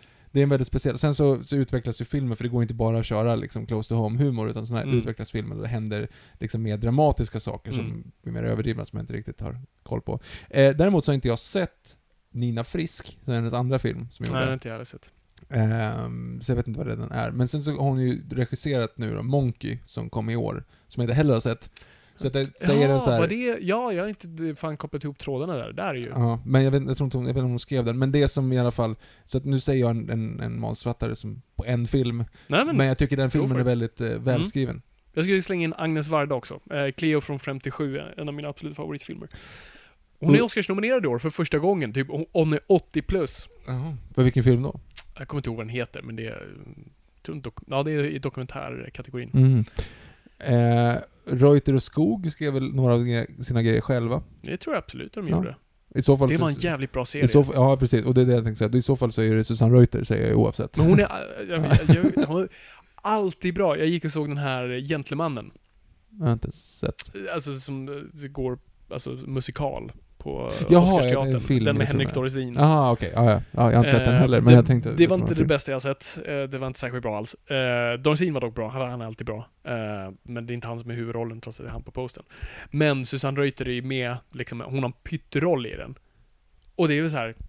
Ja, det är, alltså, det är, mm, det är, mm, det är perfekt. Hon är alltid bra. Spelar ingen roll Mm. med det lilla hon gör. Det är bara allt, hon sätter varenda lite. Du vet, det- det finns de här sångarna. Du vet, när de sjunger, du hör att den personen inte ens försöker. Det är bara, den personen är född för att sjunga. Tommy Körberg. Tommy Körberg, typ. Eh, sätter varenda ton perfekt och det är bara, det är effortless nästan. Vissa sånger som är väldigt bra hör man att de måste liksom komma till en viss plats och, och, och, och de kanske inte träffar alltid hundra och när du ser dem live så, ah, okej, ja men det är en, eh, ibland perfekt. Ehm, så är då Susanne Reuter för mig. Hon bara slår varenda not rätt. Hon är liksom bara effort, det var du kastar henne. Alltså bara den lilla rollen i Tomten är far till alla barnen. Ja. Till och liksom- med på julafton har han bögat. Ja. och hon, bara, det lilla hon får i den filmen, vilket är stort sett bara hysteriskt ledsen, liksom skrikig, och är med i tre minuter. Mm. Perfekt. Mm. Nej, jag håller, jag håller med. Så- Nu har inte du sett Vår tid är nu, som sagt. Nej. Eh, men det, hon och Peter Dalle spelar emot varandra i ganska många scener i den. Okej. Bara det, borde ju det få dig att det, titta på Ja, den. verkligen. Får väl göra det. Alright, vi fortsätter. Yes! At uh, Neo Rasic. Eh, The Room är en av mina absoluta favoritfilmer. Ja, vi snackade ju Room förra veckan. Så Ja. att, eh, det här är ju passande. Ehm, så. The Room är en av mina absoluta favoritfilmer. Eh, inom parentes, jag är en av dem. Inte parentes, men jag är kolon. Citationstecken. Nej, Eller är det en nej, parentes? det är är det när det är? Ja, det är sån, ja, såna. Halvmånar. Ja, då Det- är, då är det en Det parentes. är en parentes. Du brukar alltid säga parentes när det är citationstecken. Situationstecken, just det.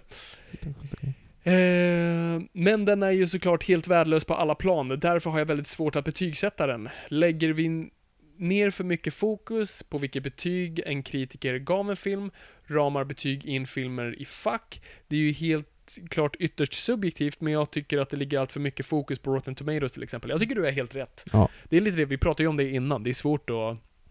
Men är det inte det som har hänt nu med Black Panther? Uh, vad har hänt med Black Panther? Alltså att, att de har ett, ett folk har gått in så och röstat 99. upp den innan den har haft premiär. De har röstat så ner den var det väl? Det var Nej, väl men så då- DC-fans som skulle rösta Jaha ner Ja, men för jag fattade det som att det var folk som hade, att den hade högt betyg innan den kom, så att det blev som en Facebookgrupp att alla skulle rösta ner den. Jaha, nej. Men det kanske var tvärt, det kanske det var bara var tvärtom. rösta ner den? Det var rösta Okej. ner. Det var någon DC, DC Comics-grupp. Vad fan håller ni på med? Ja. Som skulle då se till att Marvel-film misslyckades. Så att de, de skulle då gå och rösta ner audience score. Mhm, på- det var det det Så var. det kommer vara då, var det nu över 90% på Critic. Men Mm. så, men så det blir en, en eh, Last Jedi över det. Ja, för det, så nu ser det ut på IMDB så har den ju typ så här 6,8 eller något sånt där. Eller något sånt här, någonting sånt, 6, någonting. Men Mm. däremot så är Critic Score typ över 80. Ja, Så där har du ju den grejen. ja precis. Eh, men jag, aha, jag fattade det som att det var några som hade liksom... ja, det Att de kan ha varit så. Det var Nej, inte det jag hörde. säkert, nej, skitsamma. Men oavsett, summan kardemumma är att några har valt att rösta ner den Mm. utan att ha sett den Ja, egentligen. precis. Och det är ju så här, det är ju att det är där slagfältet är över en film, just där Ja. i hur, liksom, Rotten Tomatoes. Jag har aldrig, tror jag, gått till Rotten Tomatoes för att liksom välja en film. Eh, det är därför jag, jag gillar inte egentligen betygssystem, det är, för det är så svårt och, och, och det är just det när folk jämför här, men du gav den här filmen en fyra och sen den här filmen en tvåa. Och, men du måste alltid jämföra på ind- individnivå, det är därför jag gillar sånt som Mark Kermode som, det är prator, alltså han, Mm. han sätter aldrig betyg i slutet av sina Nej. recensioner, utan han ger en, liksom en, en känsla för det han kände när han såg filmen och sen bedömer den på sin, sina egna meriter. Mm. Men jag har ju gett eh, 2001 Space Odyssey, tror jag tror en två och en halva. Och Tomten är far till alla barnen en femma. Ja, Jag precis. antar att det kan finnas ganska många som inte håller med om just den, men, men jag håller... Jag, precis, jag ska inte klandra dig för det i princip, jag klandrar dig för att du gav 2001 det betyget, men eh, Men jag förstår precis vad du menar där, för att det, det är inte att du jämför 2001 och, eh, nej. och Tomten är far till alla barnen, utan det är liksom som komedi, för det Tomten är, far, Tomten är barn till alla barnen är Fanen, sa jag det? Tomten är far till alla fanen. Eh, tomten är far till alla barnen. Eh, du bedömer det på vad den är, en komedi, svensk film, jada jada Mm. jada. Och 2001 bedömer du, jag vet inte hur du bedömer det. Nej, artsy fartsy. Look at it, look at it. Up! Ehm, nu ska vi se. At Eml... Emlqvist. Emlqvist. Mlqvist? Misselpicked. Miskolplikt. Um, hur klarar sig superhjältar slash skurkar mot zombievirus? Kan det bli Super Zombie Man, Z- eh, Zedpool, Zulken, vanliga dödliga likt Batman och Iron Man räknar sig? Du måste uppenbart kolla upp eh, Marvel Zombies. Alltså en, ett, liksom, en, jag tror vi har pratat om det i någon eh, i något avsnitt, jag kommer inte ihåg vilket, men då inte nämnde jag det. har vi inte heller gjort. Nej. Men jag drog upp den serietidningen någon gång. Eh, tror jag. Nej, det var Night of the Living Deadpool. Jag tror inte jag nämnde Marvel Zombies. Nej, så... Eller? Kommer inte ihåg. Um, skitsamma. Det finns en, alltså det finns ett då en Elseworld kan man säga i Marvel-form som heter Marvel Zombies. Där alla Marvel-hjältar är zombies. Eh, jag tror det var Robert Kirkman som faktiskt skrev den. Så att, uh, Walking Dead-killen. Så att, kolla upp det. Så vi, ja, det går. Uppenbart. Kolla på det. Yes. Sen eh, sista frågan här då. At Iceman understreck yo. Eh, när var det första gången ni upptäckte Comic 7? Vad var ert första köp? Kan du Fabian lägga bilder på din serietidningssamling? Kan ni eh, rekommendera crime-serietidningar som man ska ha läst? Eh, bara för att svara på det sista. Om du inte lyssnar på vårt film noir serietidningsavsnitt, det är i stort sett det vi tipsar om där. Eh, vad var det första jag köpte på Comic 7? Kommer inte ihåg. Faktiskt, för det var inte första seriebutiken jag besökte. Jag besökte en tidigare som var vid Odenplan i Stockholm. Eh, där gick jag först. Den är inte kvar där längre. Eh, och där, där köpte jag ju, som jag berättade i vårt uh, Batman-avsnitt, det var Batman Year One och uh, Dark Knight Returns. Men på Comics även kan inte riktigt komma ihåg faktiskt. Eh, Jag Du måste ju komma ihåg. köpte Court of Owls Mm. som min första. Där. Tror jag. Mm. Kanske. Eller tvärtom. Eh, nu sitter jag i Starfighter utan att ens märkte det. Eh, eh, jo, men, jo men det var nog Corvallis tror jag. Det var ju någon gång, jag köpte ju till dig också. Eh, jag- det kan nog ha varit första gången förresten. Du gick ju bara in så här och sa Ja, just det. Den här killen. Vad ska jag ge till Fabian Nordlander? Just det. Och då slängde de massa saker för mig. Mm. Det var ju, det var ju schysst. Ja, eller hur? Det är som att gå till en mm, bra frisör eller en, Ja, eller en skräddare. Bara Jag så vill ha. Fabians frisyr. Precis. Ja. Ja. Vem vill ha det? Ehm, Ja, det förstår ja, nej, så jag minns, det kan ha varit Batman Black and White nu när jag tänker på det, men jag är inte hundra. Ehm, det var det. Det var det. Det var det vi hade. Ehm, tack för era frågor. Det är alltid kul att s- svara på dem. Det, det startar intressanta diskussioner. Det får ens hjärn... Det ger en hjärngympa. Ja. Ja. Nej, men det blir inte mycket bättre än så här. Nej, jag tror inte det. Som sagt, vi håller, det, det här är mitt i Viktors, eh, i stort sett upptakten till Viktors bröllop som vi har nämnt. Det är därför de här avsnitten ser, ser lite annorlunda ut än vanligt. Vi kanske inte är superaktuella. Men eh, det, det är så det är. Det, det, det är ett litet, det är en liten uppoffring värt att offra för att Viktor ska leva lycklig i resten av sina dagar. Ja, det blir bra. Det blir jättefint. Ja. Det kommer bli bra. Ja. Ja. Det, som sagt, jag, ja. Tack för att ni står ut med det. Det är mest bara det. Ja, det vi ser till att leverera avsnitt fortsatt, men de kommer kanske inte bli liksom som vanliga avsnitt. Men Nej. det är avsnitt. Ni får höra oss i alla fall. Och vi finns alltid på våra sociala medier, eh, Instagram och Twitter. At Noipod på Instagram och eh, är enklare om ni följer oss separat. At Viktor Engberg eller Engberg Viktor, kommer inte riktigt ihåg. Engberg Victor. Och at Fabian Nordlander.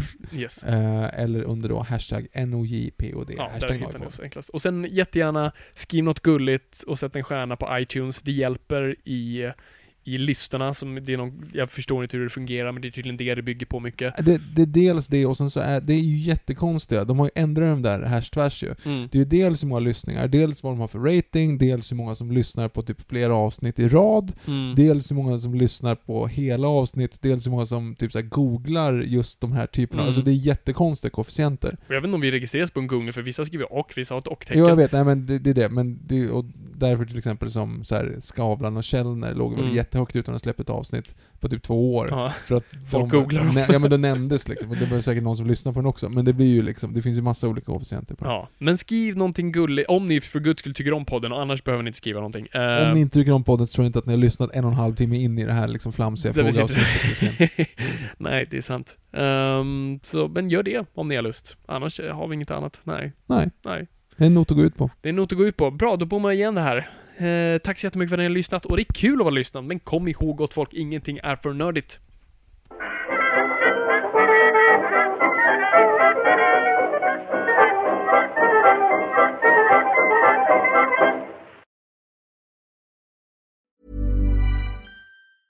Hey, it's Paige DeSorbo from Giggly Squad. High quality fashion without the price tag. Say hello to Quince. I'm snagging high-end essentials like cozy cashmere sweaters, sleek leather jackets, fine jewelry, and so much more. With Quince being 50 to 80% less than similar brands.